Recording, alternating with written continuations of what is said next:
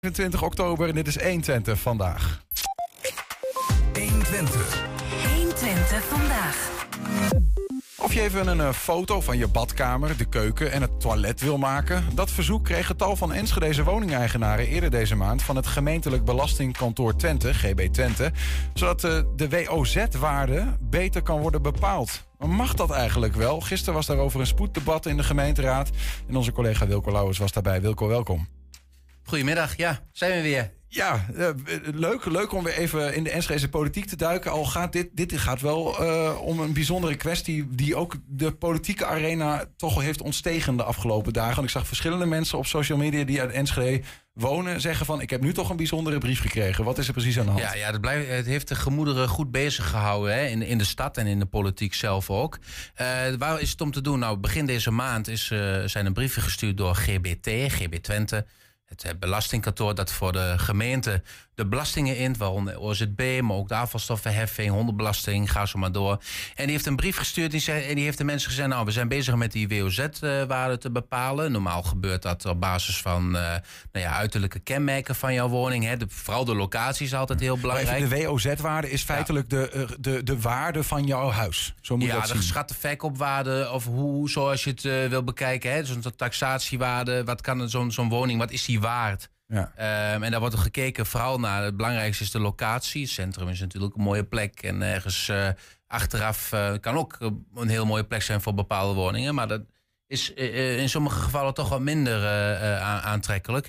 Nou ja, dat, dat, kan allemaal met openbare data wordt dat gedaan. Ik heb bij mijn eigen huurwoning ook wel eens gekeken. En dan zie ik dat, dat ze ook vergelijkbare woningen opzoeken. En daarvan de verkoopprijs, die wordt er ook in meegenomen. Ja. Nou ja, daar wordt op bepaald. Maar ja, goed, ze willen soms ook wel graag dan de binnenkant van de woning zien. Want nou ja, volgens uh, eh, GBT schijnt daar dus dan toch, uh, uh, nou ja, de secundaire voorwaarden van zo'n woning schijnen dan toch ineens heel erg belangrijk te zijn. Wordt ook wel eens tegengesproken, want wat, is, wat bepaalt een badkamer nou voor de waarde van jouw woning? Maar blijkbaar willen ze dat graag. Dus hebben ze de inwoners gevraagd, nou maak even een foto voor ons en stuur dat op in onze app. En dan uh, kunnen wij de WOZ-waarde beter bepalen. Ja, en, en, zij willen dat graag weten, omdat die OZB-belasting waar je het over had, de onroerende zaakbelasting, weer afhangt hoe hoog die is van de waarde van je huis. Dus is jouw huis meer waard, dan vinden zij dat je meer belasting moet betalen. Dus dat is ongeveer wat er aan de hand is, toch? Ja, ja vraag me niet uh, hoe, welke rekensom daar aan vastzit. Dat is een, iets met een 0, en dan heel veel uh, cijfertjes. Dus een bepaald percentage van jouw WOZ-waarde is de OZB, dus de onroerende zaakbelasting die je elk jaar betaalt voor jouw woning. En nu is er consternatie ontstaan over de vraag: joh, maak even een foto van je huis, van de binnenkant, hè, waarin natuurlijk allerlei dingen te zien zijn die je misschien uh, helemaal niet wil laten zien. En dan kom je met een privacy kwestie. Dus de vraag is: mag dat in principe wel? Ja, ja die privacy, je, je snijdt het goed aan. Hè? Dat, dat, dat, Nee, dat kan, dat kan niet. Ze kunnen je daar niet verplichten. Dat is ook wel duidelijk geworden onlangs. Hè. Er staat, als je heel letterlijk de brief bekijkt, staat het ook niet, uh, staat het ook niet in. Van je moet, je bent verplicht. Maar ja, uh, je krijgt een brief van een overheidsorganisatie. En die vraagt jou wat. En er staat niet duidelijk uitgelegd dat je het eigenlijk niet hoeft te doen. Dat is eigenlijk al niet helemaal de goede procedure, zei de wethouder gisteren ook wel. Dat hij ook wel problemen had met de communicatie in die brief. Eigenlijk moet daar gewoon staan van, nou als je niet wil, dan doe je het niet. Um, kun je afvragen, wat gebeurt er dan? Nou ja, er zijn heel veel mensen die maken bezwaar tegen uh, de WOZ-waarde. De, de gemeente bepaalt het op basis van, wat ik net zei, allerlei openbare uh, data. Nou, mm Die WOZ-waarde wordt dus niet zelden te hoog ingeschaald. Uh, vinden de inwoners dan ook, hè? die gaan dan in beroep. Um, en die halen dan via bedrijfjes, daar komen we zo nog even op, denk ik. Ik denk dat we zo naar de eerste video moeten. Die halen dan hun gelijk via no cure no pay bedrijfjes heet dat. Um, en als jij je gelijk krijgt, nou, dan, dan, dan moet de gemeente proceskosten vergoeden. En dan krijg jij uh, de, de, de WOZ-waarde, een lagere waarde, dus minder belasting. Daar komt in feite op neer. Ja. Dus eigenlijk zeggen ze ja, maar we willen die foto's maken zodat we heel precies kunnen bepalen wat die waarde is. En dat is allemaal uh, heel goed voor de inwoners vooral. Hè? Zodat je niet meer zo'n bedrijfje ja. nodig hebt wat voor jou extra op pad ja, hoeft. Dan om... weten we precies wat die waarde is. ja. Je hebt een foto of een, een video meegenomen. Verschillende, wat, wat gaan we naar kijken? De eerste video is gisteren in een debat uh, waarin Mark Teutelink uh, wat uitleg geeft over uh, waarom dit wordt gedaan. En wat hij daar nou van vindt als wethouder, maar ook vanuit een andere rol. Ik heb op dit moment eigenlijk gewoon drie petten op. Dat is uh, de pet voor uh, uh, wethouder gemeentelijke belastingen. maar ik heb ook de pet op van het algemeen bestuur. en sinds afgelopen vrijdag, dat is wel even van belang... afgelopen vrijdag ben ik ook geïnstalleerd als DB-lid... dagelijks bestuurlid van, van GWT. Ik ga even kijken vanuit mijn, uh, vanuit mijn rol als, uh, als wethouder gemeentelijke belastingen. Uh, en dan moet ik zeggen dat ik daadwerkelijk wel de ophef begrijp. Op het moment dat ik een dergelijke brief op mijn deurmaat zou krijgen... dan zou ik ook zeggen van waar gaat het in vredesnaam over? En wie ben jij, wie ben jij, GBT wel niet... Uh, om mij te vragen over allerlei dingen. Nou, dat snap ik ook helemaal, want dat heeft gewoon ook te maken met uh, de context die in principe gemist wordt. En dat is de context van waarom doen we dit eigenlijk. Ga ik even naar de pilot uh, itself, want het is een pilot. En dat heeft te maken met de hoeveelheid bezwaren... die de afgelopen jaren zijn geweest op basis van de WOZ-taxaties. En die bezwaren zijn met name gedaan op basis van de secundaire kenmerken. Dat zijn de kenmerken die binnen uh, in het huis zijn. Dan praat ik over de keuken, over de badkamer en dat soort dingen. Daar zijn de bezwaren over, over gediend. Want buitenkant, buitenkant, ja, dat doen ze wel uh, bij het GBT. Daar hebben ze taxateurs die kunnen aan de buitenkant kijken. Maar die mogen niet zomaar even aan de binnenkant kijken... tot op het moment dat het bezwaar wordt, uh, wordt ingediend. En op dat moment mag je als, als GBT een taxateur naar de woning sturen. En dan ben je ook als inwoner verplicht om die taxateur binnen te laten... en de taxateur op een gegeven moment de, de ruimtes te laten zien. Wat dat betreft. En wat anders kan namelijk het GWT helemaal niet bepalen... of de bezwaren die daadwerkelijk uh, gedaan worden... of dat ook daadwerkelijk uh, hout snijdt.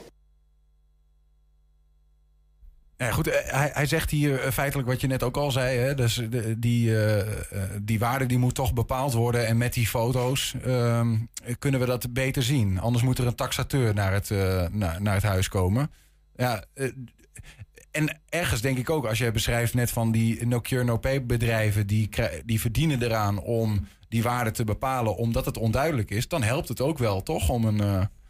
Ja, misschien goed om te schetsen dat, dat die New no Pay bedrijven, ja, de, de, de, naam zegt het al dan in het Engels, hè, die, uh, die gaan voor jou een bezwaar indienen tegen jouw WOZ-waarde. Uh, daar hoef je verder niks voor te doen. Zij doen hun uiterste best om die waarde omlaag te krijgen. Dus dan gaan ze ook kijken naar bijvoorbeeld de badkamer enzovoorts. Achterstallig onderhoud. Nou ja, dan is die waarde misschien wat lager dan, dan op dat briefje, op, op, die aanslag die je krijgt um, um, van, de, van de GBT. Um, dus die gaan hun uiterste best doen. Nou, die gaan er een zaak van maken, dat komt voor. die winnen dat in, in, in, een, deel van de gevallen, of in veel gevallen misschien wel. Hè. Winnen ze dat, de, dan is iedereen blij. Hè? De bewoner is blij, want die krijgt uh, heeft wat minder belasting. Soms gaat het om een paar dubbeltjes, maar dat kan ook om uh, eh, 20 euro gaan of meer. Maar in ieder geval, die heeft daar een voordeel aan. En je betaalt diegene pas, of de inwoner betaalt uh, dat bureau eigenlijk helemaal niet. Hij, de bureau krijgt pas betaald als er een succesvolle bezwarenprocedure is doorlopen. Want dan kunnen ze de proceskosten van het hele verhaal. En zo werkt het bestuursrecht in Nederland. Kunnen ze verhalen bij, uh, bij GBT, maar uiteindelijk dus bij de gemeente. En die betaalt ervoor. Maar goed, en eh, dus, maar de, de reden dat ze het doen is omdat het dus ook GBT veel geld kost. Ja, dat zeggen ze dan. Hè? En uh, er wordt een beetje de indruk gewekt. En doen ze bij de VNG, de Vereniging Nederlandse Gemeenten ook. Hè, die bosse, uh, vervelende uh, no-cure uh, no-pay-bedrijf is die ons uh, van ons belastinggeld nota bene ja. uh, voor de rechten van, van de wo woningeigenaren opkomen. Dat moeten we natuurlijk niet hebben. Hè, in feite betekent het gewoon dat je dus die WOZ-waarde standaard te hoog inschaalt. Want anders winnen ze dit soort uh, zaken niet. Ja. Ze willen natuurlijk die kosten terugdringen. Maar ik heb opgezocht, er is een gewoon onderzoek gedaan voor de Rijksoverheid. Het wetenschappelijk onderzoek en documentatiecentrum heeft dat uh, gedaan. Die heeft gezegd nou, dat dat, dat echt uh, pure winstbeluste bedrijfjes zijn. Dat valt reuze mee, zeggen ze in dat onderzoek. Dus dat ze voor de overheid hebben uitgevoerd. Mm. Weliswaar is 43% van de bezwaren in Nederland zo'n beetje is via zo'n bureautje. Maar die kosten zijn 17 miljoen euro. Nou ja, je kunt zeggen dat is veel. Maar aan de andere kant, 17 miljoen mensen, 17 miljoen euro per persoon. Is dat dan het grote probleem? De, de, um, dit onderzoeksbureau zegt, nou, het, het, probleem wat wordt geschetst is alsof een soort bijna mafioze uh, uh, club is die puur voor eigen winstbejag ja. um, allerlei bezwaren rondstuurt. Nou, dat is niet helemaal waar. Gisteravond eh, wordt daar dan over gediscussieerd. En dan neem ik aan dat op, op basis van... Nou, ik weet niet of die deze informatie al hadden... maar eh, die, mensen vinden dat niet prettig, eh, de, de manier van de foto's maken. Bovendien zijn er ook andere manieren, hoor ik jou ook al zeggen. Je kunt gewoon taxateurs inhuren bijvoorbeeld. Ja. Ehm, de gemeenteraad zegt het moet stoppen. Ja. ja, en of het dan per se gaat gebeuren... Um, dat, dat vraag ik mij af. Want misschien is het goed om dan even de volgende video eerst erbij te pakken. Want dan kan ik het beter uitleggen. Dus dat betekent op dat moment uh, uh, dat wij dus eigenlijk gewoon uh, de manier waarop zij de taxaties gaan doen... hebben uitbesteed aan het GWT en, en de uitvoering... en dat wij daar dus niet meer over gaan. ik als wethouder gemeentelijke belasting ook niet... eigenlijk ook als AB-lid ben ik geïnformeerd. er komt een pilot aan dat doen, uh, wij gaan daar een bepaalde actie doen om de, de WOZ-waardes wat accurater voor elkaar... de WOZ-taxaties wat accurater zijn... maar ook om de zogenaamde no-cure, no-pay bedrijfjes... Ehm, daar ga ik zo meteen nog iets over zeggen... Ehm, om daar wat aan te gaan doen. Even kijken. Dus... Ehm, maar goed, in ieder geval, dat betekent dus gewoon dat wij het mandaat aan GBT hebben gegeven. En dat betekent eigenlijk gewoon ook dat uh, wij aan de voorkant dus uh, uh, niet geïnformeerd worden als raad zijnde of als gemeente zijnde over hoe zij de uitvoering gaan doen. Dus ik ben ook niet in staat geweest, of dat, dat is ook niet normaal... dat je qua uitvoering bij alles wat de GBT doet... de manier waarop zij de taxaties gaan doen... dat je dat aan met de raad deelt om de raad te vragen... van hoe gaat dat nu? Dat doen wij bij geen enkele GR. Kortom, de wethouder zegt hier, die zelf ook lid van het uh, algemeen bestuur is. Ja. Uh, ik, kan, ik, kan hier, ik heb hier geen invloed op, op de manier waarop het GB Twente dit soort zaken regelt. Nee, de belastinghoogte bepaalt de gemeente zelf, hè, OZB en dergelijke. Uh, nee, uh, maar het, de inning daarvan is in, in, in, in Twente door, door acht gemeenten en nog twee uit uh, Gelderland overigens, is uitbesteed bij het GB Twente. Die doet dat en die bepaalt dus ook als ze dat dagelijks bestuur, bepaalt ook als ze meedoen aan zo'n pilot om dan die foto's te vragen. Dus wat er nou gaat gebeuren, die motie roept op van zorg dat, dat, dat die pilot stopt. Nou, daar gaat Mark Turteling met zijn pet van wet wethouder op, gaat hij naar Hengelo, naar het uh, belastingkantoor. Dan gaat hij aan tafel zitten en dan treft hij aan Mark Turtelink, het algemeen bestuurslid, en Mark Turtelink, het dagelijkse bestuurslid. En die zeggen misschien wel, nou we vinden die pilot eigenlijk best wel uh, goed om te doen, want uh, wij besteden zoveel geld aan die vervelende no-Q, no-pay bedrijfjes. Ja, dus gaat er, er komt in ieder geval ja, ja, nog een brief aan voor de mensen. Oké, dus de, met nou, in die brief wordt uitgelegd wat, uh, wat die privacy van die mensen nou echt is. Hè, maar daar zijn heel veel zorgen over. Dus hoe er met hun persoonsgegevens wordt omgegaan. Ja. Overigens ben ik daar nog niet uh, klaar mee. Uh, want ik ga nog wel wat vragen stellen. Onder andere ook over het aantal bezwaren. Want er in Twente wel behoorlijk toegenomen. Naar 10.000 in totaal. Maar dat komt niet zozeer door die no-Q, no-pay bedrijven, zie ik. Want die maken hier in Twente maar 30% ja. deel uit van de bezwaren. Bezwaren dus, tegen de hoogte van de OZB-belasting. Het is, uh, ze maken gebruik van apps en dat maakt het uh, bezwaar maken gemakkelijk. En daar zit misschien juist wel de toename van, uh, van het aantal bezwaren. Maar wat ja. vervolgt? Ja. Blijf vooral in de gaten houden. In ieder geval dus een brief met meer informatie. In ieder geval waar iets meer duidelijk wordt dan alleen de, de, de, de kleine lettertjes... die we soms in de afgelopen brief lazen over mogelijke alternatieven, neem ik ook aan. Um, dan nog heel kort even, de wet over nog meer vergaat het bijvoorbeeld over uh, asielzoekersopvang in uh, Enschede. Waar, waar, ging dat, uh, wat werd er besproken?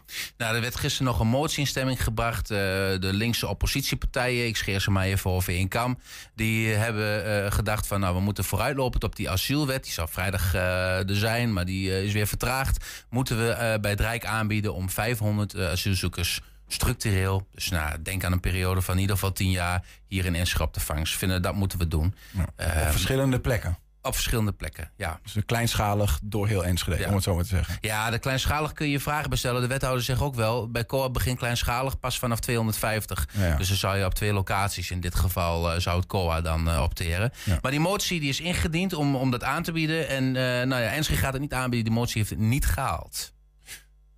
Is dat een, uh, is dat een, een, een, verwonderen we ons daarover? Nee. nee. eigenlijk niet. Het enige wat nog wel interessant was, was gaan PvdA en ChristenUnie, uh, heb je het onlangs nog met uh, collega Ernst Bergboer over gehad, volgens mij, ja. gaan die twee partijen die zich eigenlijk een beetje op de vlakte houden. Gisteren ook in een debat trouwens. Gaan die nou voor die motie stemmen? Want die zitten natuurlijk in de coalitie met wat rechtse partijen. En zelf willen ze wel die uh, vluchtelingenopvang. Ja. Maar uiteindelijk hebben ze voorgestemd. Oké, dus ze hebben toch uh, hun eigen hart gevolgd en niet per se het mogelijke coalitiehart, om het zo maar te ja, zeggen. Ja, maar ja, nadeel voor hun hè, van deze vrije kwestie, dus uh, ook in zo'n gemeenteraad de verhouding, is dat de rechtse partijen één zeteltje meer hebben. En ondanks dat er wat raadsleden gisteren afwezig waren, um, nou ja, werd, werd, die meerderheid voor die rechtse partijen, die bleek wel.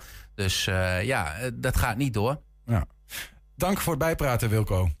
Geen uh, probleem. Tot de volgende. Ja, zometeen, want we liepen met de stadsgids in de stad op zoek naar de sporen van de oude grachten van Enschede. En hoorden van hem hoe belangrijk het is om het verleden weer zichtbaar te maken. En we kunnen niet vaak genoeg zeggen. We zijn ook als podcast te luisteren via alle bekende platforms. Je vindt de hele uitzendingen, maar ook leuk uh, misschien om te noemen. Van elke, uh, nou niet van elke uitzending, maar iedere dag hebben we één item uitgelicht. Van een item die die dag of een van die dagen is geweest. En die uh, zetten we er ook los op. Dat kun je vinden onder 120 vandaag uitgelicht. 120. 120 vandaag. Drie Hengeloze horeca-ondernemers gaan het plaatselijk Prins Bernhard plantsoen kleur geven. Ferry Rolman van Eetcafé De Blauwe Engel, Clemens Valkman van Paviljoen De Ontmoeting en Erwin Kwakman van de muziekcafé De Cactus hebben samen de stichting Evenementen in het Park opgericht. En in de donkere dagen voor kerst slaat het eerste, staat het eerste feestje al op de agenda. En dat is Kerst in het Park. Uh, een van de oh, aan, de, aan de duidelijkheid van de naam ontbreekt in ieder geval niks. en een van de initiatiefnemers is bij ons. Erwin, goedemiddag. Goedemiddag. Um, er zit een uitbater in, in het park. Hè? Dat is jullie, uh, jouw compagnon Clemens Valkman. Ja. Uh, in principe is het park voor iedereen toegankelijk. En zou je ja. zeggen, iedereen kan daar uh, iets in organiseren, mocht hij dat willen. Wa waarom is dit nodig om een stichting ervoor op te richten? Nou, omdat we dat gewoon ook voor de langere termijn willen. En je zit natuurlijk met drie horeca-ondernemers. En je wilt ook het, de, de, financiële stromen duidelijk en zichtbaar hebben voor iedereen. Want ja, iets organiseren kost best wel heel veel in Nederland op het moment. En vooral met richting naar de veiligheidsplannen en dat soort dingen. De veiligheidsregio, beveiliging, mm -hmm. uh, tenthuur, alles wat erbij komt kijken. Ja, dat gaat best om heel veel geld. Dus we hebben gezegd van. Uh, en het is ook echt de bedoeling dat het niet eenmalig is. En uh, nou, een beetje met een schuin oog gekeken naar het BAM, BAM Festival. Dat, is ook, dat is, vindt ook plaats in het Prins Bernhard plantsoen. Ja. daar is Clemens zijdelings bij betrokken, maar dat organiseert hij niet zelf. En ja, de, de gesprekken liggen al jaren wat dat betreft. Alleen corona gooide telkens roet in het eten. En nou ja, van zomer trok Clemens weer aan de bel van dan zullen we het toch eens in de gang zetten. En ik was aanvankelijk een beetje huiverig. Ja, straks dan krijgen we het najaar weer dat gedoe met, uh, met testen en, en, en, corona. En dan, dan, dan, Geen zin aan. Nou ja, dat heeft mij gewoon wel heel veel ellende opgeleverd. Uh, niet alleen financieel, maar ook gewoon moreel. Uh, om elke keer weer op te richten. Om ja. toch de energie weer op te vinden, op te, te, te, zoeken om weer aan de gang te gaan. Maar goed, op een gegeven moment, vorige maand hebben we toch met elkaar de knop omgezet. En we zijn met de gemeente gaan praten. En, dat is, dat is wel voorwaarde. We moeten eerst kijken wat de gemeente ervan van het idee vindt. En uh, als de gemeente zegt van dat uh, de positieve inzaal, dan, dan gaan we het in gang zetten. Ja. Nou, toen hebben we bedacht van zo en zo. En dan ook naar de gemeente toe duidelijk gemaakt van dit is niet eenmalig. Het, het, het, gaat ons niet omdat we lomp gezegd onze zakken willen vullen. We willen gewoon voor de lange termijn mooie dingen gaan doen. Uh, want ja, ja, want hoe moet ik dat dan precies voor me zien? Je, hebt, je, je zet een, een stichting op en, en da daarin zitten drie spelers in dit geval. Of jullie, ja. jullie zijn dan de, de, de. Ja. Um, maar wat, wat ga je dan doen? Om te, nu komt er kerst in het park, daar gaan we het zo nog over hebben, van wat dat mm -hmm. concreet inhoudt. Maar wat uh, ga je dan allerlei troepen bij elkaar verzamelen om te zorgen dat er meer moet gebeuren? Ja, dat is wel het idee natuurlijk. Kijk, wat ik zeg, er gebeurt best wel veel in het, in het Prins Bernhard Plantsoen, maar daar is Clemens altijd heb ik zijdelings bij betrokken. En nu is hij gewoon zelf wat meer onderdeel van het, uh, van het totale plaatje en de organisatie. Ja. Wat moet ik voor me zien? Wat hebben, hebben jullie, uh, als je gewoon eens je gedachten de vrije loop laat gaan, waar kunnen we dat park allemaal voor gebruiken? Ja, kijk, Ferry is, is, van oorsprong een Amsterdammer en die zegt van ja, dat, dat Plantsoen, dat is eigenlijk het Vondelpark van Hengelo. En, en, en van oudsher, ik, ik, ik ben ik woon nog niet zo lang in Hengelo, de helft van mijn leven. Maar, maar er hebben natuurlijk best wel legendarisch concert plaatsgevonden daar in, in, die, uh, in die koepel. Ja, prachtig Brood, bij die vijver. Hè? Ja, precies. Herman Brood heeft daar nog een legendarisch optreden gegeven. Dat heb ik wel eens uh, begrepen van de oudere muziekliefhebbers. Ja. En denk ik, ja, dat moet toch eigenlijk ook wel weer uh, terug kunnen. En Clemens heeft daar gewoon niet zoveel goede connectie of, in, in de muziekwereld. En die heb ik dan toevallig wel. Mm -hmm. En ja, ik ik heb eh, eind 98 heb ik het neurtje van Ferry overgenomen. En toen, toen kreeg ik zeg, gekscherend, kreeg ik Clemens erbij. Want die stond toen nog achter de bar. Ja. Dus zo lang kennen we elkaar ook al. Ja. En ja, we, we, zitten, we kunnen elkaar mooi ondersteunen. Nou, jullie vullen elkaar wat dat betreft goed aan. Hè? Je hebt een muziekcafé. eh, Ferry heeft een, een, een normaal café. Een eetcafé. Een eetcafé of een eetcafé. En, en Clemens die zit in dat uh, Prins Bernhard een foto van jullie drieën bij elkaar. Hoe, ja, di- di- dit is een, een, een trio wat het moet gaan doen wat dat Nou betreft. ja, we, we hebben zelf eh, de, de foto's gemaakt door Irene Snijders. Dat is de zus van, van Clemens. Eh, ik zeg van, en Freddy die zit nu eh, op vakantie, daar had hij al gepland. En ik zei, dan moeten we wel handig als we voor de tijd even een foto maken. Want ja, je zult al zien dat dat straks eh, ergens op een website komt te staan. Dan is het wel handig als we de foto alvast hebben. Dus, Ja, eh, ja. dus die hebben we zaterdagmiddag stiekem al even gemaakt. eh. Ja, ik zie hier jou aan de rechterzijde met een eh, brede glimlach. Zit daar dan toch ook nog wel een beetje twijfel achter? Want je zegt wel van ja, ik heb wel eens bij elkaar moeten rapen om het. eh, want ik, ik weet het nog allemaal niet met deze de komende tijd, zeg maar. Ja, ja, goed. Op een gegeven moment hebben we de knop maar omgezet. En daar gaan we niet meer te veel eh, op uitdoen. Ja, de kans dat Poetin misschien rare dingen doet... is misschien wel groter dan zelfs corona. Ik weet het niet. Ja, eh, ja. ja. Ja. Kijk, het is natuurlijk wel no guts, no glory. Het is nu twee maanden van tevoren. Vorig jaar begon de, de, de corona al ellende alweer veel eerder om zich heen te slaan. En nu, ja... Ik heb toch iets meer vertrouwen in dat het dit jaar wel door kan gaan. Maar we hebben ook wel bewust gekozen voor een hele grote tent. Echt veel, veel groter als eigenlijk nodig Voor zou zijn. kerst in het Voor kerst eh, in het park, ja. park. Dus dat je gewoon, eh, we hoeven ook niet per se tot de maximum capaciteit te gaan. Maar we willen wel dat iedereen gewoon de ruimte heeft. En, eh, Wat, wat, wat moet ik voor me zien? Wat gaat er gebeuren?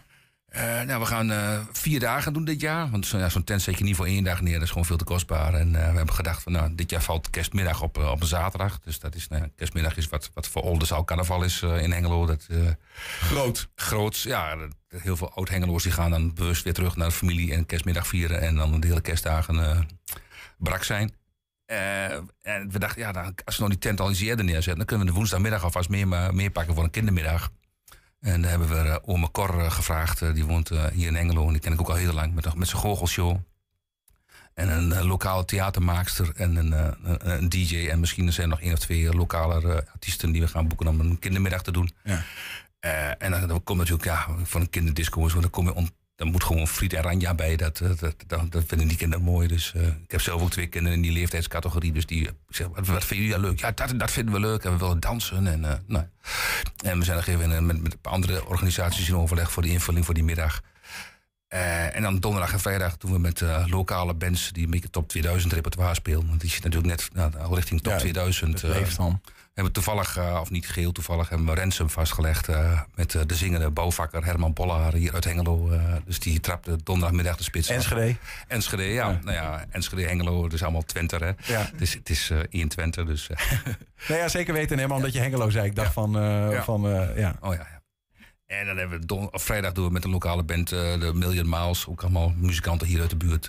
en zaterdagmiddag, kerstmiddag doen we met Bittersweet. Is ook een, eh, een lokale... eh, En, de- en, die, en die kerstmiddag is dan de afsluiting, de strikt eromheen. En daarna is het je kaart is uitslapen, denk ik. ja, dat, daarna zijn we wel helemaal Ja. brak, denk ik. Want het gaat wel, kost best wel heel veel tijd en energie. eh, ja. En wat, wat hoop jij dan, eh, eh, wat het oplevert? Uiteindelijk zijn jullie wel drie ondernemers. Hè? Dus Ja. de- ik neem aan dat je hoopt dat, dat eh, niet alleen dit, kerst, maar wat er nog meer gaat komen, dat het een bepaalde mm, vliegwiel-effect heeft. ja, dat is wel de bedoeling natuurlijk. Ja, we willen het gewoon, we hebben met elkaar gezegd, jongens. We- het gaat ons niet om, om rijk te worden. Als we dit jaar kiet draaien, dan zijn we blij.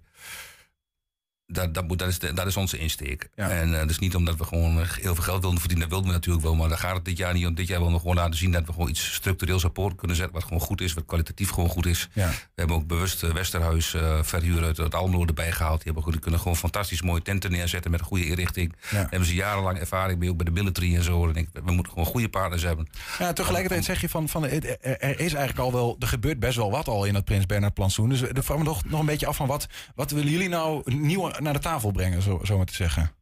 Ehm, ja, dingen die er nog niet zijn. En dat is, dat is met name dat iets wat grootser is opgezet, bijvoorbeeld. Uh, nou, zo'n zo'n kerst, zo'n kerst in het park, dat is, dat, kun je, we zitten natuurlijk vlak aan de Duitse grens. Dat kan je natuurlijk net zo mooi groot maken als je zou willen. Uh, dat, is alleen dat is voor volgend jaar. Voor Ja. dit jaar is dat gewoon allemaal veel te kort dag om het te organiseren. Maar dat is wel natuurlijk, het zou te gek zijn als je gewoon het hele park vol kunt zetten met kraampjes en, en, en, en dingetjes. En ja, dat, dat leent dat park zich gewoon prima voor. Je, hebt, uh, je zit vlak naast het station. Je hebt geen gedoe met parkeren. Iedereen kan op de fiets komen of met de trein Ja. of met de bus. Dus Ja. uh, dat is gewoon. Uh, Ja, het, is, het, het moet gezegd worden, het, het is een prachtige plek wat dat betreft in Hengelo. Te weinig opgemerkt, vind je dat? Of Ik denk dat het een beetje een onontdekt gebiedje is. Uh, ja. En heeft natuurlijk ook heel lang, voordat Clemens is, dat gebeurde er ook niet zo heel veel in het plantsoen. Er was ook heel veel gedoe met drugs en toestanden en andere overlast. En ja, Clemens heeft ook nadrukkelijk de, de opdracht van de gemeente om dat park gewoon eh, te beheren en, en, netjes te houden en toezicht te houden. En dat, ja, dat heeft hij volgens mij wel af, afgelopen jaar wel goed onder controle. eh. En dat gebeurt best wel steeds meer. Met het BAM Festival natuurlijk. Het is een langzaam, maar ze- maar zeker wel echt regionaal en ook internationaal wel een, een- een festival wat op de kaart gezet wordt. Hoe gaat het met je, met je muziekcafé? Eh, ik bedoel, we hebben het een heel beetje, klein beetje over corona gehad. Eh je zegt al, ik ben er wel de murf door geworden. Vooral misschien door de verwachting die telkens... Je, kon, je wist niet meer wat je moest verwachten. Nee, keer als je dacht van we mogen weer wat, en dan gaan er wat, de versoepelingen komen er weer aan. En dan kregen we weer het deksel op de neus. En de versoepelingen gingen toch niet door of werden uitgesteld. En, eh, nou ja, dat, en dan was het weer een anderhalve meter. En dan was het weer met QR-code. En dan was het weer dit. En ja, we hebben gewoon aan, ons- aan alle kanten ons best gedaan. Eh, ja, telkens kregen we gewoon de overheid weer het deksel op de neus. eh, en dan met name de, de landelijke overheid. eh, die zegt, van, ja, we willen niet meer denken in oplossingen. Want dit is het en dat is het. En ik, ja, jullie hebben maar geen beeld van wat er gewoon lokaal leeft. Ik bedoel, wij hielden ons gewoon nog aan alle regels. Maar er waren natuurlijk gewoon heel veel ketenen en noem alles maar op. Waar buiten het, het zicht, Ja. waar gewoon van alles ging. Wat eigenlijk niet zou moeten in coronatijd. Ik denk, je laat het nou gewoon aan de professionals over. En, en, en ga daar gewoon goede afspraken mee maken. Maar wat heeft dat nu? Want we zijn nu, ja, we zijn nu hopelijk een, een tijdje verder dan dat we de laatste echt eh, de goede zooi ervan hebben gehad, zeg maar. Fingers crossed. Wat, wat, wat heeft het nu nog voor effect in jouw hoofd misschien wel of in je bedrijfsvoering? Nou, nog steeds wel. Als ik gewoon iets, eh, iets met begin met de ticketverkoop en iets online zet en om aankondig, dan denk ik van fingers crossed dat het ook gewoon maar door kan gaan. Dat je het niet veel hoeft te cancelen om, om wat voor reden dan ook. eh. en ja, dat is wel een, een lastig dingetje geweest. We hebben natuurlijk heel veel optredens moeten verplaatsen en dat, dat zien de mensen allemaal niet. Ja, er komen weer maatregelen. Ja, maar er gaat gewoon heel veel tijd in, achter de schermen in zitten. En dan, eh, ja, daar heb je gewoon echt wel heel veel slapeloze nachten van gehad. Ja. En, in, en qua financiën? Ik, ik weet eigenlijk helemaal niet hoe dat... eh, eh, moet je nog steeds vechten om de Ja, buffers weer vol aan te vullen? Zeker, zeker. We hebben de bodem wel geraakt. En we zitten nog steeds op de bodem. Dat moet gewoon. eh, moet, dat- ja, dat, dat heb je niet in één, in, in één twee jaar. eh, Ja. Dus wat dat betreft is eh, evenementen in het park, zoals de stichting heet. Ja. Ehm, dat is, zou een mooie eh, aanvuren zijn om weer... eh, Nou, ook, ook met name nu voor de decembermaand. Daar hebben we, ja, daar, hebben we wel vertrouwen in. Maar ook voor, voor volgend voorjaar en volgend zomer. Dat we daar gewoon wat grotere dingen kunnen gaan doen. En, we gaan het meemaken. Als mensen nog zelf ideeën hebben van... nou, dit zou je eens in het park moeten doen. Staan jullie daar open voor? Om, ja, eh, zeker staan we daar open voor. Ja. Ja. Ja. we hebben zelf wel allerlei wilde plannen. Kijk, eh, ik ben zelf, eh, ik heb alle edities van Tukkerville gezien. En denk, ik, het is hartstikke mooi daar om te Rutbeek. Maar als je dan kijkt naar het plantsoen met die vijven, dan heb je daar, ja, eigenlijk is dat gewoon een mini Rutbeek. Zonder parkeerproblemen. ja, ik zie het voor me hoor, lichtjes. Ja, nou, podiumpje. Dat, ja. En dat hoeft allemaal niet zo heel groot. En je hebt niet helemaal die hele grote namen nodig. Dus er is genoeg muzikaal talent in, Twente. Wat, je zou er best een Local Heroes eh, festival van kunnen maken. eh. Ja. Mooi, mooie titel denk ik ook. Local Heroes Festival. Eh, we gaan het meemaken. Erwin Kwakman, dankjewel dat je ons even wilde bijschijnen over jullie evenementen in het Park Nieuwe Stichting in het Sint Bernard of Prins Bernhard Plantsoen, waar evenementen gaan plaatsvinden. En de eerste is kerst in het park. Te beginnen op 21, heb ik dat dan goed? 21, woensdag 21 december. December en dan vier dagen lang daar.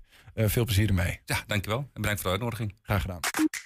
Zometeen, het was een van de duurste fotoprojecten van Europa ooit, denkt Enschedeze fotograaf Engelbert Fischer. En dat terwijl de foto's niet eens kunnen worden bekeken, althans niet door onze generatie. 120 vandaag. Ja, de grachten van Enschede die in de 19e eeuw rond het toenmalige Enschede lagen, krijgen we niet meer terug. En dat is jammer, zegt stadsgids eh, Ton Volker. Daarom is hij zo blij met het initiatief van de gemeente om de loop van de grachten in de stad weer zichtbaar te maken. Dat gebeurt met een ontwerpwedstrijd waarin creatievelingen de kans krijgen hun idee over die grachten naar voren te brengen. De winnaar mag zijn idee uitvoeren. Ja, wij liepen met de stadsgids in de stad op zoek naar de sporen van de grachten en hoorden van hem hoe belangrijk het is om het verleden weer zichtbaar te maken. In Enschede, eeuwen geleden, liepen er stadsgrachten. Jammer genoeg is hier helemaal niks meer voor overgebleven. En de gemeente Enschede wil hier wat aan veranderen. Aangezien het onmogelijk is om nieuwe stadsgrachten aan te leggen... heeft de gemeente bedacht om nieuwe watergoten te ontwerpen. Deze komen precies te liggen waar de stadsgrachten ook lagen. Iedere inwoner van Enschede kan een ontwerpprijsvraag inleveren... met het ontwerp voor nieuwe watergoten... wat te maken heeft met de geschiedenis of de huidige staat van Enschede. Nu ben ik benieuwd waar die stadsgrachten precies langs liepen door Enschede. Stadsgids Ton Volker kan mij hier meer over vertellen. Nou Ton, we staan hier op kruispunt De Graaf. Ja. Dit is voor Enschede lang geleden heel bijzonder geweest. Waarom? We zitten dus nu op dat kruispunt, wat net aan de, buiten, ja, maar net aan de buitenrand van die, uh, van die grachtengordel lag. Want Enschede, uh, schrik niet, had een echte grachtengordel. Niet alleen Amsterdam en andere steden in het westen, maar ook Enschede had een grachtengordel. Maar waarom dan grachten hier in Enschede? Nou, dat is een, een heel apart verhaal. Uh, het is niet de reden zoals je dat bijvoorbeeld in het Westen aantreft... dat er ook echt op gevaren werd en dat dat een economische uh, uh, aanleiding was. Nee, Enschede heeft ooit grachten gekregen als verdediging, voor de verdediging. De eerste gracht, dat was de Binnengracht, die is al aangelegd rond 1325. Ja. Enschede had net stadsrechten gekregen en als je stadsrechten hebt... dan mag je dus inderdaad jezelf verdedigen... In die tijd was dat nog heel anders dan tegenwoordig. Uh, maar dan mocht je het dus verdedigen. En die, en die, en die, die, die binnengracht die was ervoor om de vijand, rondtrekkende bendes vooral... Ja. om die uit die stad te houden. Hè? Om je dus inderdaad goed te kunnen verdedigen. Sterker nog, uh, men vond het zo belangrijk... dat men uh, een kleine honderd jaar daarna nog een tweede gracht heeft aangelegd. Een buitengracht. En daartussenin, tussen die beide grachten in dus, een zandwal. Okay. Zodat dus de stad is- met die beide grachten en die zandwal... nou ja, maar redelijk goed verdedigd was. Ik ben echt wel benieuwd waar die gracht nog meer eh, langs heeft gelopen. Nou, we Dus gaan gewoon even een eindje lopen. We gaan een eindje lopen. Dat doen we. Ja?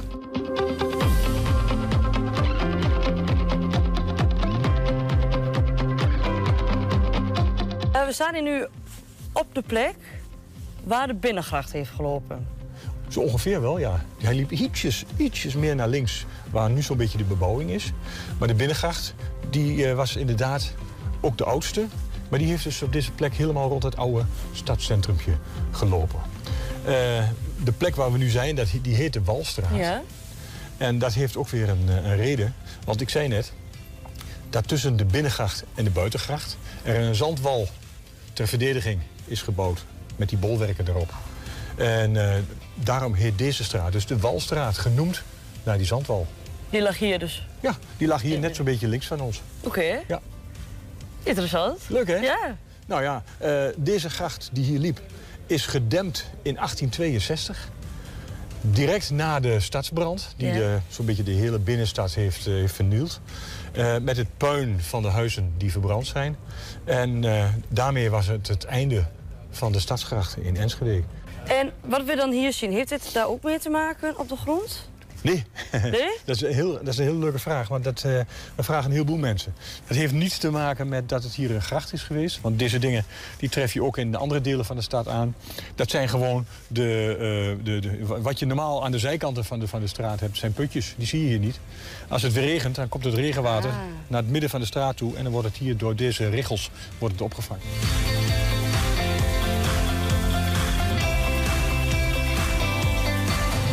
Wij zijn nu vanaf de Havenstraat zijn wij de Stadsgravenstraat ingelopen. Ja. En eh, de Stadsgravenstraat zelf, qua naam, zegt dus al alles over Stadsgracht. Want Stadsgraven is hetzelfde als Stadsgracht. Dus de Stadsgravenstraat is dus vernoemd Ja, naar de Stadsgracht. je kunt het onder andere zien op het eh, straatnaambordje wat hierboven hangt. Aha. Naar de Stadsgravengracht die zich hier vroeger bevond. Oké. Kijk. En de huizen zijn hier dus ook wat dichter op elkaar gebouwd. Ja, maar de, de Stadsgracht hier, de binnengracht, die was wat smaller dan de buitengracht. En die heeft er veel langer, eh, is, is er veel langer geweest. De buitengracht is al honderden jaren eerder gedempt. Dus daar zie je bijna geen resten meer van. Maar de Stadsgracht hier is dus heel lang nog blijven bestaan. En eigenlijk pas in 1862 verdwenen. Daar komt dat van. Oké. Eh, Ton, je vertelde dat in 1597 de buitengracht wegviel. Ja. Eh, Wat is daar dan de specifieke reden van geweest? Nou, in 1597 werd door Maurits Enschede bevrijd van de Spanjaarden in de 80-jarige oorlog. Maurits vond dat Enschede een open handelsstad moest zijn en niet meer vo- voorzien van grachten, eh, eh, zandwallen en dat soort en muren, poorten enzovoort. Dus hij heeft, eh, heeft bepaald dat de buitengracht dat die weer gedempt moest worden en dat de zandwal, die er inmiddels ook lag, dat die dus eh, verdwijnen moest. Oké. Alleen de binnengracht is blijven bestaan, want die had niet zo'n enorm strategisch eh, belang. Gemeente Enschede heeft nu een ontwerpprijsvraag Ja. dat de inwoners precies op de plek waar de grachten hebben gelopen een nieuw ontwerp mogen maken voor een watergoot. Ja. Wat, wat vind jij van het initiatief? Nou, ik vind het wel heel erg leuk. Ik weet dat er al eerder een keer plannen waren, vage plannen, om iets te doen met de historie van de stadsgrachten. Kijk, de stadsgrachten in de oude vorm, die kunnen niet meer terugkomen. Er is geen plek meer voor. Want op de plek waar die stadsgrachten gelopen hebben, daar staan vaak nu ook gebouwen, Ja. huizen. Dus dat lukt niet. Dus om dan een soort herinnering te maken in de straten die rondom het oude centrum van de stad lopen, zo goed als ja, zeg maar op de plek waar de vroegere gracht heeft gelopen, vind ik eigenlijk wel een heel leuk idee. Ja. Ja. En het moet dus echt ook met Enschede te maken hebben. Ja. Wellicht met de ges- geschiedenis van Enschede of wat Ja. nu speelt. Ja. Eh, wat zou jij dan? Nou, daar overval je me mee. Maar, eh, maar ik kan me voorstellen dat je taferelen uit de, de Enschedeze historie eh, daarvoor gebruikt. Je zou iets kunnen doen met de, oude, met de textielindustrie. Ja. Allerlei symbolen die voor de textielindustrie van belang zijn geweest. Zou ik me ook een idee zou ik me ook kunnen voorstellen. Het stadswapen. Het, het wapen is een heel bijzonder verhaal wat, eh, wat eh, Enschede betreft. Kun je misschien ook in, dat, eh, in die goten verwerken. Ja, dus ik denk dat er van allerlei dingen zijn. Misschien zelfs de tekst van het Twentse volkslied. Ik denk maar wat daar. Ik, ik bedenk maar wat. Hè? Zult worden je vol met, met goede ideeën. Ideeën genoeg. Ja, Die, die goten die krijgen we wel vol. mooi. Zometeen Casper Staring en Max Bruns waren te gast bij een persconferentie georganiseerd door de Kidsclub van FC Twente. Hier kregen de spelers een aantal mooie vragen op zich afgevuurd. 120. 120 vandaag. Het wordt een van de duurste fotoprojecten van Europa ooit, denkt hij. En dat terwijl de foto's niet eens kunnen worden bekeken. Althans, niet door onze generatie. De Enschedeze fotograaf Engelbert Visser wil maar liefst duizend Twentenaren vastleggen in zilver op glas of aluminium. Dat heet een fotoportret. Een kostbare klus, maar het meest bijzonder misschien nog wel... de zilverfoto's gaan niet bij iemand aan de muur. Nee, ze moeten in een tijdcapsule die pas in het jaar 2250... Dus dat is over 250 jaar, dames en heren, weer mag worden geopend. Engelbert, welkom. Dankjewel Niels. Fijn dat ik hier weer mag zijn. Ja, wij kennen jou van eh, bijzondere projecten. Eerder hadden we jou hier een keer... Sowieso de foto's die je maakt zijn bijzonder, komen nog op. Maar, maar eh, met dat jij eh, eh, verpleegkundigen vastlegde in coronatijd... omdat ze zo, eh, ja, bijzondere dingen hadden meegemaakt, IC-verpleegkundigen. Eh, wat ben je nu toch weer van plan, zou ik bijna zeggen? We zijn eigenlijk, heel gek is dat, we zijn met drie projecten tegelijk bezig. Een boek over meisjes in zilver geprojecteerd. Een boek over jongens in zilver gefotografeerd. En het tweede boek alweer voor meisjes in zilver geportretteerd. Het laatste project is het grootste project. Verreweg het grootste project. Je weet, toen wij begonnen met het fotograferen van de verpleegkundigen, de brandweermensen en de politiemensen, dat we daar een bepaalde bedoeling mee hadden. Het is begonnen in die coronaperiode. Toen wij met z'n allen begonnen te klappen voor de zorg, was ik des duivels. Ik denk, we moeten wat doen. We moeten een beeld maken wat blijft bestaan, maar niet klappen voor de zorg. Mensen hebben gewoon een goed salaris en een goed besef nodig van... jongens, als we ze nodig hebben, dan staan ze er voor ons. En in dat kader, omdat ik zelf in 19... ik ben in 58 geboren... in 1965 hadden we een Hongkong-griep hier in Nederland... ook een wereldwijde pandemie... die met een veel hogere mortaliteit gepaard ging... dan wat we nu kennen vanuit de COVID-periode. Het gekke is, spreek ik mensen van mijn leeftijd... kent bijna niemand meer dat verhaal van die COVID-periode... en die Hongkong-griepperiode van toen. Wat dan belangrijk is van, hey, wat gebeurt er eigenlijk in 65 jaar? Hoe denken we hierover? Of hoe laten we de mensen zien over een periode die veel, veel verder gaat dan die 60 jaar? Zo kwam ik op dit project. Ja, ja, je wil ze conserveren zodat de mensen in 2250 denken... eh, Welke snottebellen hebben toen geleefd in die tijd Ja. en welke gezichten passen daarbij het tijdsbeeld? Het eerste wat ik dacht toen ik dat hoorde, eh, voordat we zo meteen over de kostbaarheid van dit project gaan praten, want dat is ook nogal wat, maar ehm, is dat ik dacht, ja, maar weet je, hier, eh, we hebben allemaal onze telefoons tegenwoordig. Je moet de mensen de, foto's uit de handen slaan bijna. De foto's van dit tijdsgevricht zullen er toch wel zijn in die tijd. Ik had het er net over met een technicus hier in een andere ruimte. Ik denk het niet. Er hoeft maar een goede elektromagnetische puls te komen en alle digitale media zijn er niet meer. Wie weet wat zonne-energie kan gaan doen met zonnevlammen en alles. Het kan alles vernielen wat we hier op aarde hebben. Zo'n zilverplaat is inert. Dat wil dus zeggen, het is niet gevoelig voor straling, het is niet gevoelig voor. Ga zo maar door. Het wordt goed verpakt. Dat blijft een paar honderd jaar makkelijk. Makkelijk goed. En het leuke daarvan is, de kopjes worden op die ouderwetse manier gefotografeerd. Die klassieke manier moet ik zeggen. Hmm. Dus je ziet de kinderen van nu, dan, nog als een ouder kind gefotografeerd. Zeg maar voor een periode van 100 jaar terug. Ja. En dat maakt een heel bijzonder gegeven. Ja, we hebben wat, wat voorbeelden. Misschien goed om even te laten zien waar we het over hebben. Want het zijn niet, niet eh, zomaar foto's. Wat, wat, wat, eh, wat, wat spreekt jou zo aan in deze manier van fotograferen zoals jij dat doet? Eigenlijk alles. Als je kijkt naar de directheid van de foto, het kind wat alleen maar gefocust is op de camera, wat geen smile heeft, omdat de moeder zo graag wil dat het kind smilt. Het kind is er. Het kind is er echt. Als je met name in de ogen kijkt, dan zie je gewoon de betrokkenheid naar het beeld toe, de betrokkenheid naar mij toe als fotograaf, want ik sta er pal achter. En de geconcentreerdheid van een kind om twee, drie seconden echt geconcentreerd stil in die ouderwetse lens te kijken. Dan krijg je dit soort effecten. Mhm. We willen nog een paar. Misschien gewoon le- leuk om even een beetje doorheen eh, te scrollen. En eh, begrijp ik dan goed, eh Engelbert, dat je zegt van ja, ik had die, die verpleegkundigen. ehm, die je vastlegde in. Ja, die hadden natuurlijk een bijzondere rol in coronatijd als IC-verpleegkundige. Ehm, Daar kwamen bijvoorbeeld deze meneer die we hier zien, een brandweerman, geloof ik, of een Dat is- politieagent. Dat is een politieagent, ja. Die kwamen daar nog bij. Ja. En, en die wilde je in de eerste instantie vastzetten in die tijdscapsule. Ja, omdat dat moment, toen draaide alles om de zorg. De politie met de rellen die er allemaal waren. De brandweermannen die allemaal druk bezig waren met eh afhijzingen en alles uit gebouwen en noem maar op. Die waren daar heel druk mee betrokken. Ook een aantal eh, verpleegkundigen die op de ziekenauto reden. Dat was toen heel goed. Maar op een gegeven moment ging het verder. Een kameraad van mij die komt bij me en die ziet al die foto's staan. Je bent hartstikke gek, Engelbert. Waarom trek je dat niet in een tijdcapsuleproject? Ik zei, Mustafa, je hebt helemaal gelijk. Ja, zegt hij. Want ik was op dat moment bezig met boek 1 voor meisjes. Ik denk, dan moet ik er wel jongens mee doen. Anders heb je geen compleet beeld van kinderen die tijdens deze COVID-jaren... ja, dan moet ik zeggen, geleefd hebben. Als je dan kijkt naar de, de release-datum van die, eh, van die tijdcapsule. En dat is heel bijzonder. Kijk, die mensen deden allemaal hun werk.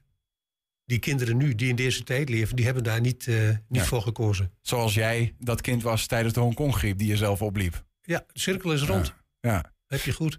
Ehm, zometeen even verder praten over eh, nou ja, hoe dan uiteindelijk zo'n project eh, tot stand komt. Hoe, vooral ook hoe het gefinancierd wordt. Want daar is ook nog Ja. wat over, eh, over te zeggen. Ja, ja, ja. Ehm, misschien ook leuk. Ik heb ooit, eh, dat is eind 2019 uit mijn hoofd, eh, ook een foto bij jou gemaakt. Toen zat ik voor jou voor die, eh, voor die camera op die manier zoals dat dan echt 150 jaar geleden ongeveer gebeurde. En om een beeld te krijgen van hoe zo'n foto tot stand komt. Even kijken. Klopt. We gaan als eerste het licht instellen op jouw ogen, zodat ik je ogen goed scherp heb, dat ik een mooi contrast heb. Als we dit hebben gedaan en je hebt je houding gevonden die prettig is ook voor de camera, dan gaan we naar beneden, dan gaan we een gevoelige plaat maken. We gaan daar een plaat, in dit geval een aluminiumplaat met een zwarte, eh, zwarte opdruk, zeg maar. Die gaan we lichtgevoelig maken door een stof op te brengen die heet collodium. Als die stof opgebracht is en hij is mooi gelijkmatig verdeeld, dan brengen we hem in een zilvernitraatbad. Op dat moment wordt die plaat dus licht, lichtgevoelig. Dat duurt drie minuten. Dan gaat hij eruit in de donkere kamer. Onder het gemak van een, klein rood lampje. Dan gaat hij in de cassette. En dan kunnen we de feitelijke foto gaan maken. Nou, blijf je kijken. Dan gaan we tellen. 1, 2, 3, 4. Paf. Nou ga ik de lens aan de binnenkant weer afdekken. Door middel van de eerste schuif. En dan hebben we hier de foto. Die gaan we nu ontwikkelen. Dan gaat de plaat eruit. Dan hebben we hier de ontwikkelaar klaarstaan.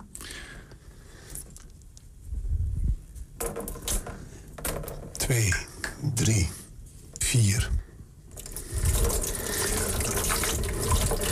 Nu door het gieten van dit water is dit proces onderbroken.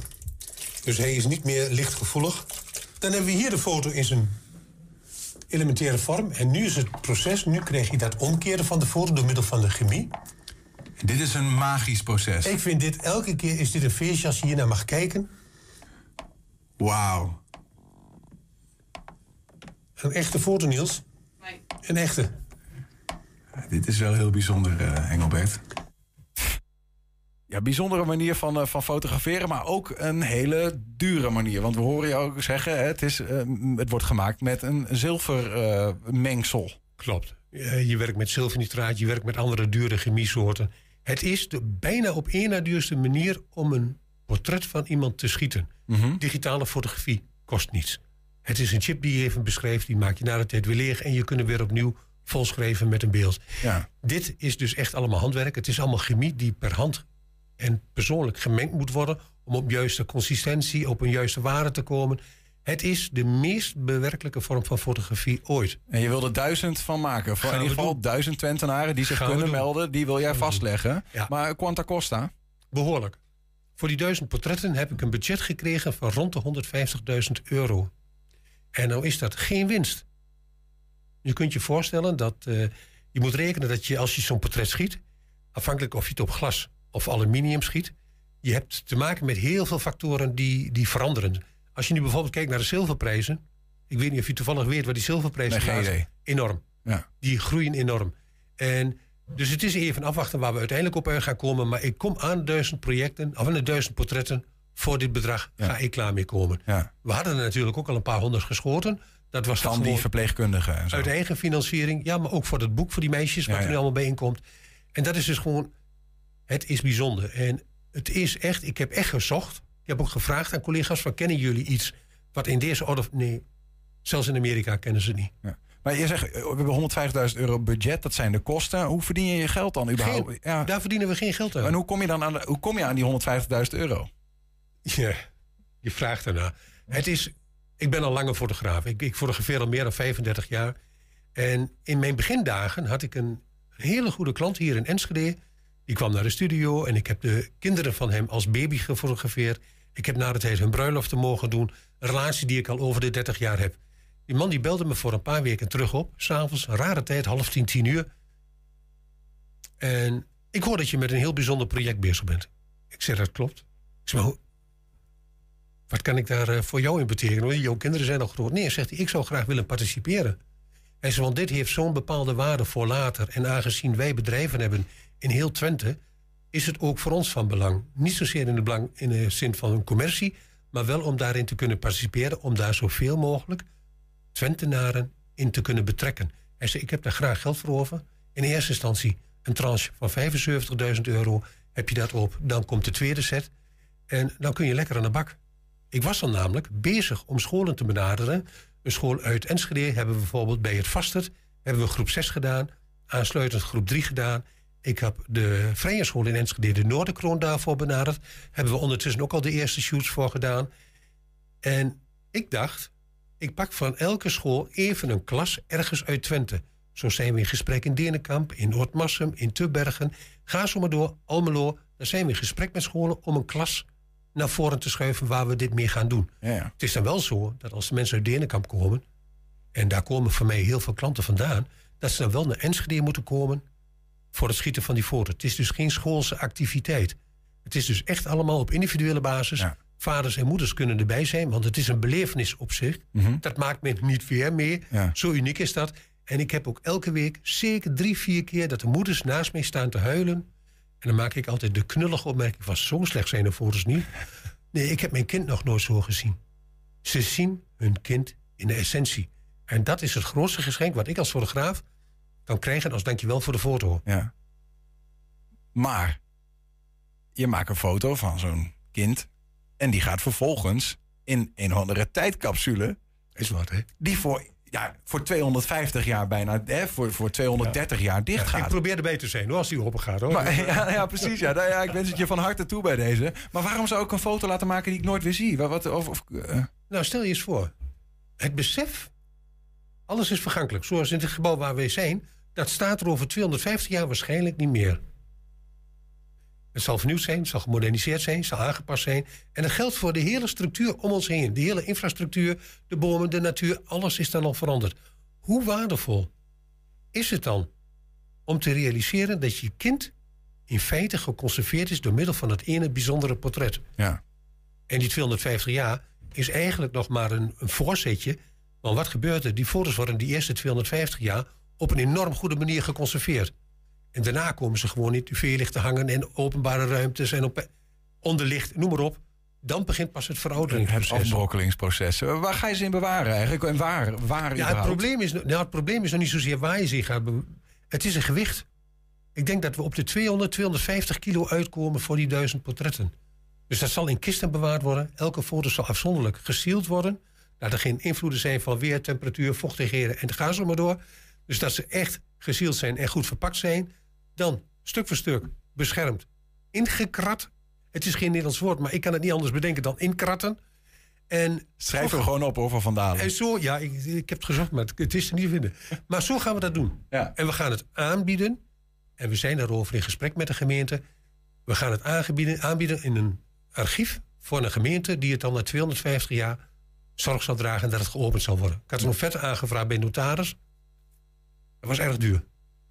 Dus je hoopt de gemeente Erg te vinden die mee wil doen om dit te bewaren in de gemeente, gemeentelijke de gemeente archieven. is al wel gevonden. Ja. Alleen door ontwikkelingen op dit moment in die gemeente...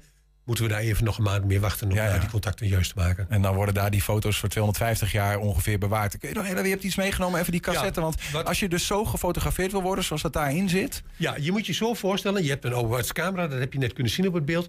Dan heb je op een gegeven moment een glasplaat waarop je je kind kunt zien. Dat is hartstikke leuk om dat mee te maken. Dit schuif je op een gegeven moment op de plaats van de glasplaat. Hier heb ik van tevoren een foto in gedaan. Mhm. En wat er dan in feite gebeurt... je zet de glasplaat open door middel van dit. Het licht valt door de lens. En dan krijg je dit soort projecties. omhoog- heel, heel iets omhoog houden? Nee, voor je gewoon. Is goed hoor. Voor je is goed. Dit is feite wat er gebeurt. De plaat zit al onbelicht zit hij in de camera. Je stelt hem open. Je haalt op een gegeven moment de dop van de lens die hiervoor zit. En wat er dan gebeurt, dat is heel gaaf. Het licht valt erdoor. We hebben de flits gedaan. We doen hem dicht. We nemen hem meer naar de doorka. En fijn. Ja. Dat heeft het filmpje net wel laten Zoals we zien. het hebben gezien. Wat heel bijzonder is. En dat verbaast mij eigenlijk in een mate die ik niet had kunnen verwachten. De mensen die naast me staan en hun kinderen alleen al zo zien door die ouderwetse glasplaat, door het oude glas, dan hebben ze al zo'n gevoel, oh, dat moet ik ook hebben. Dat kan. Het is niet zo dat we een foto schieten en we zeggen, joh, die foto die gaat nou mooi achter slot en grendel, die krijg je nooit weer te zien. De mensen vragen ook, kan ik daar een afdruk van bestellen? Ja, dat kan. We stellen daar twee maten voor beschikbaar en dat doen we gewoon tegen kostprijs plus BTW. We, willen daar, we hebben daar geen verdienmodel. Ja, ja, dus je kunt wel een versie van die foto krijgen. Alleen de, de, de- het origineel, zoals jij ze maakt, die gaan in de die, die worden niet tijdcapsule. verkocht. Die worden niet Ehm, verkocht. als, je, als we mee willen doen, waar kunnen we dan eh, terecht? Of, of Heel- werkt het niet zo? Ja, heel, heel graag. Wat we zoeken zijn kinderen van 4 tot en met 18 jaar. Alles kan. Het enige is, een kind... Vaak komen ouders met een kindje van 3, 2 jaar. Die kunnen geen drie seconden echt geconcentreerd naar voren kijken. En dat werkt niet. Dus kinderen vanaf 4 jaar tot en met 18 kunnen zich gewoon aanmelden. Bij mij, desnoods via Facebook, via mijn telefoonnummers. Ik ben altijd goed te bereiken. En dan even kort een verhaal doen van mijn kinderen zijn zo en zo laat. We komen daar en daar vandaan. Kunnen we meedoen. Ja. Klaar. Dus Contact is gelegd. wil je in zilver, in één tijdcapsule... eh, en dan in t- in 2250 weer eh, bekeken Geopend worden door de mensen ja. van dan... eh, meld je even bij Engelbert Visser. Engelbert, dankjewel. Heel veel plezier eh, met dit bijzondere project. Heel graag gedaan. Dankjewel Niels. Dankjewel voor de tijd hiervoor. Graag gedaan. Hoi. Heb je een tip voor de redactie? Mail dat dan even naar info.120.nl. 120 vandaag. Ja, Casper Staring en Max Bruns waren onlangs de gast bij een persconferentie... georganiseerd door de Kidsclub van FC Twente. De spelers kregen een aantal mooie vragen op zich afgevuurd. Allemaal een heel bijzondere goedemiddag bij deze eerste persconferentie van de Kids Club van FC Twente. Lees veel. Eh, eerlijk gezegd lees ik te weinig, laten we het zo zeggen. Dat zou ik meer moeten doen, eigenlijk. Als je leest, wat lees je dan? Eh, boeken. Wat voor soort boeken? Een Ja, een ja, nee. tijdschrift. eh, Ik, ehm, ik hou wel van actieboeken. Wel waar er wat in gebeurt, zeg maar. Dat vind ik wel altijd wel leuk. Dat houdt mijn aandacht wel vast. en wat lees jij dan? Donald Ducks. Nou, maar dat is toch hartstikke mooi. Goeie keuze. Zal ik je wat vertellen? Ik lees hem ook nog steeds. Wat doet u het liefst in de vrije tijd? Ja, ben ik graag met mijn familie, spelletjes spelen, gewoon een beetje ouwe hoeren. Ehm, gamen met vrienden vind ik ook leuk om te doen. Ehm, en slapen is ook wel lekker in je vrije tijd.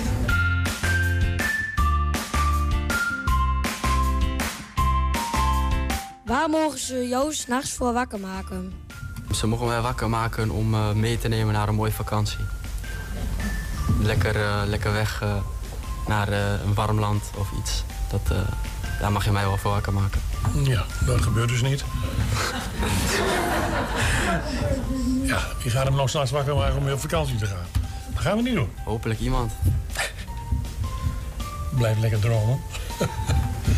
Ja, dat mogen ze mij de dag van tevoren eigenlijk wel vertellen. Als ze me mee willen meenemen op Dat vakantie. Ehm, eh, ik kan me niet zo echt bedenken. Als ik slaap, dan blijf ik eigenlijk liever slapen. Waar mogen ze jou van wakker maken s'nachts? Ja, een FC Twente wedstrijd tegen Schalke. Wat vind je het leukste om te doen op de training? De partijtjes op het eind.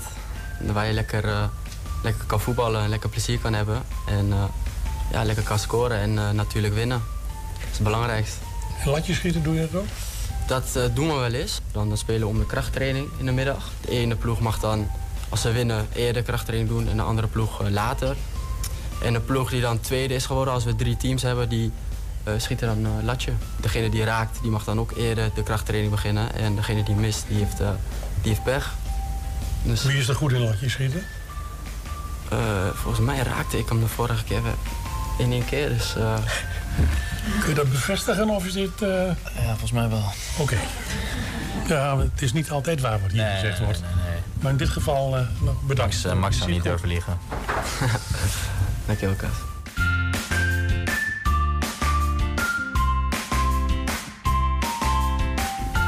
Wat zou je doen als voetbal niet bestond? Ja. Dat is een, een goede vraag. Dan, eh, dan zou ik het niet weten. Nee, ik zou dan waarschijnlijk nog, nu nog studeren, denk ik. Nog, eh, school, opleiding doen. En, eh, Nou, welke opleiding zou je willen doen? Daar zijn we wel benieuwd naar. ja, dat is een hele goede vraag. Met, eh, ja, iets in de makelaardij misschien, dat, dat lijkt me wel wat. Kasper? Ik denk dat ik ook had gestudeerd. Bedrijfskunde waarschijnlijk. En straks, als je na voetballen, wat wil je dan gaan doen? Als je die studie niet hebt gedaan. Ja, ik hoop eigenlijk met pensioen te kunnen nadat ik gevoetbald heb. eh. Bij welke club voetbal je toen je net zo oud was als ik? Hoe oud ben je? MVV 29 in Harenbrinkhoek. Bij Almelo. STVB, Barneveld. De Eierenclub. Wat zei je? De Eierenclub. Banneveld, de stad van de eieren. Kippen eigenlijk, hè? Vooral. Kippen. Dus ook eieren. Ja, ja, maar... Hoe ga je ermee om als jullie een wedstrijd verliezen? Dat hadden we liever niet willen horen, maar het zal wel moeten. Kasper, Een paar keer vloeken toch, helaas. eh is toch nodig soms. schoppen Eh, tegen de deur, want ik zie wel eens deuken. Nou, dat ben ik niet. Oké. Maar ja, soms, ja, als dat jouw manier is van je frustratie er een beetje uit te laten, zou ik een deur niet kiezen, maar iets wat niet kapot kan. Soms moet je er eh, je frustratie er even uit en daarna moet je het eh, snel vergeten en eh, door naar de volgende wedstrijd. Wat is je schoenmaat? Je ziet wel eens van die bordjes in het stadion, mag ik je shirt? Maar jij wilt de voetbalschoenen, begrijp ik. Ja. Ja. Max. Ja, die van mij is 42,5. Beetje aan de grote kant nog, hè? 45. Maar dat, dat zijn bootjes. Oh, en waarom vroeg je dat? Daar ben ik benieuwd naar. Heeft het een vo- voordeel als je grote voeten hebt? Moet bij Kasper zijn. Dat is een aardige vraag. Ja, dat is voor Kasper. Maar soms wel. Net met je teen nog even die bal wegtikken? Voor sommige jongens is het ook vervelend als je dan op hun tenen gaat staan. Dat, dat vinden ze dan net niet leuk met die 45. Maar, ze kunnen ook makkelijker bij jou op de tenen staan dan bij jou. Nee, dat klopt. Gelukkig wel. Dus ja, zowel zijn voordelen als eh, zijn nadelen. En het, het ziet er soms iets lomper uit, maat 45, dan eh, maatje 42,5. Als je iets op de wereld zou kunnen veranderen, wat zou dat zijn en waarom? Er is over nagedacht, Ka- Kasper. dat vind ik wel iets voor jou ook. Ik denk eh, onrecht. Ik denk dat eh, iedereen daar heel slecht tegen kan. Ja, vrede. Overal. En, eh, Weet je dat er een eind aan komt? gewoon een beetje hetzelfde als Kasper zegt. Dat is, eh, ja, als dat overal zou zijn, dan, dan zou de wereld een stuk eh, rustiger zijn, denk ik. Wat eten jullie voor de wed- voetbalwedstrijd? Pasta of rijst, dat eh, zijn eigenlijk eh, vaak de dingen die we krijgen voor de wedstrijd.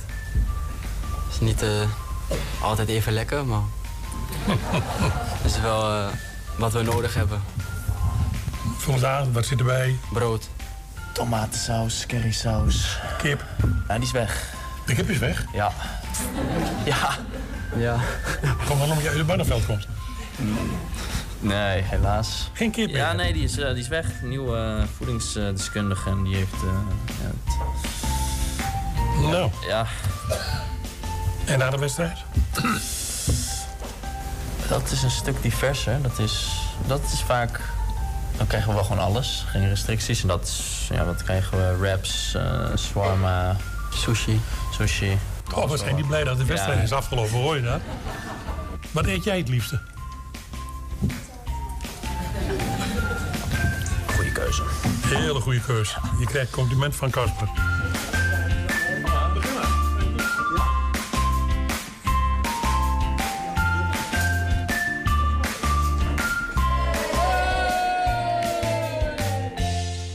Leuk eh, om, eh, om dit zo te zien eh, bij die persconferentie.